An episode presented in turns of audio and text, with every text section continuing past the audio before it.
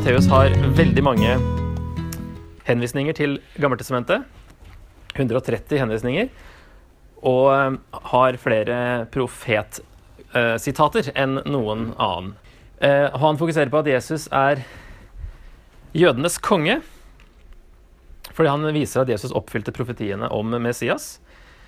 Selv om han da ikke var en politisk og militær Messias, sånn som de kanskje forventa, som skulle fri dem fra romerne, så er han likevel jødenes konge som eh, oppfyller GT.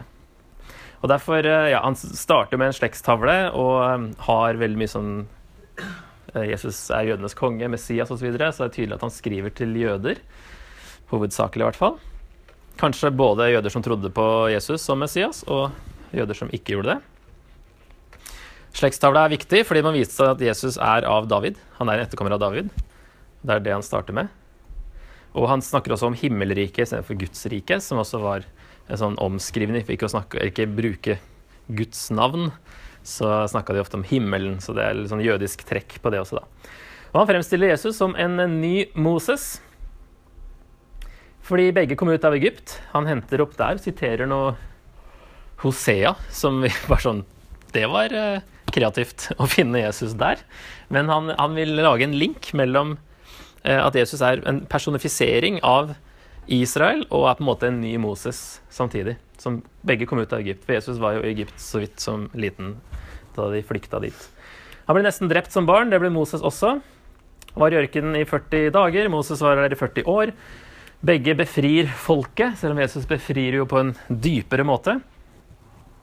Eh, Moses inngikk eh, Moseloven, den, den gamle pakt, som det kalles. Eh, og Jesus innstifter en ny pakt. Ja, Så Jesus er som både påskelammet og eh, lager en ny eh, Eller påsken innstiftes med Moses da, og oppfylles med Jesus, som er påskelammet.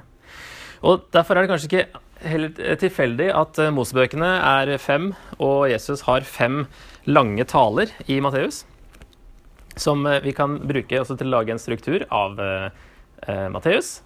Hvis vi starter med en introduksjon, de første tre kapitlene, der det er slektstavle, fødsel, døperen Johannes som en forløper, og så er vi i Galilea, mesteparten av boka. Så har vi del én, som kapittel fire til sju, der Jesus begynner å forkynne at himmelriket er nær, altså at Guds frelsesplan for verden har kommet nær med Jesus. Nå skjer det noe. Noe viktig. Og så helbreder han som et tegn på at Guds rike griper inn. Og så avsluttes den delen med bergprekenen, som egentlig er tre av de fire kapitlene. Så en ganske lang tale, eh, den første talen. I del to er det kapittel åtte til ti, der han gjør flere undere. Det er undere på rekke og rad gjennom kapittel åtte og ni og ti. Eh, og så er det en tale på slutten der, i kapittel ti, eh, der han sender ut disiplene og sier at de må forvente både positiv og negativ respons når de forkynner om himmelriket. Del 3, kapittel 11-13, der får Jesus også selv både positiv eh, respons og en voksende motstand hos folkets ledere. Den tredje talen er i kapittel 13. er det masse lignelser som er summert opp der. Og Spesielt er det disse små altså sennepsfrø og surdeigene og sånne ting. At de ikke Riket vil ikke komme fullstendig til syne før senere, og det er en oppmuntring når det blir motstand. Det begynner veldig smått, det begynner usynlig, det virker ubetydelig, men det kommer til å bli megasvært. Del fire, kapittel 14 til 18. Flere undre, flere konfrontasjoner. Og så begynner han fra kapittel 16 å undervise disiplene mer privat. Begynner å snakke om sin døde oppstandelse. Peter røper at han fortsatt forventer en militær og ikke en lidende Messias når han sier dette, her, dette, må du ikke si, Jesus, når Jesus sier at han skal lide og bli overgitt. og sånne ting. Nei, nei, nei, nei. Det må du ikke si. En Messias skal ikke det. Ok, Han har ikke helt uh, skjønt hva, hva, slags Messias Jesus er, da. Kapittel 18 er den talen der det snakkes om disippelrelasjoner, spesielt om barn og tilgivelse. Det er liksom det litt hovedtemaet der. Det handler om relasjonene innad i, i kirka, for så vidt. Kapittel, uh, del 5 er kapittel 19 til 25. Der kommer vi til Judea og Jerusalem. Og Der er flere konfrontasjoner med lederne. Og den femte talen handler om ødeleggelsen av tempelet og Jesu gjenkomst i kapittel 24 og 25. Og så har vi klimakset.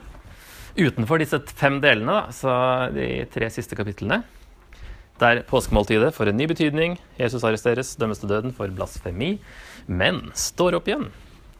Evangeliet avsluttes med misjonsbefalingen, hvor han som universets konge sender disiplene ut for å gjøre flere disipler.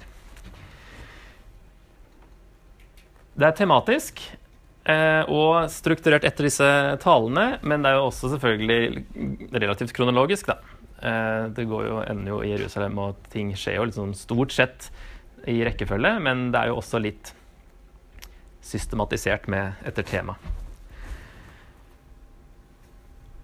Det som er spesielt for Matteus, er da at den mest kjente talen til Jesus finner vi her. Det er Bergprekenen, kapittel 5-7. Og den, også den mest kjente versjonen av misjonsbefalingen, selv om det er misjonsbefalinger i alle evangeliene. Det er det mest jødiske evangeliet, og det inneholder flere profetsitater enn noen av de andre bøkene i Nytestamentet.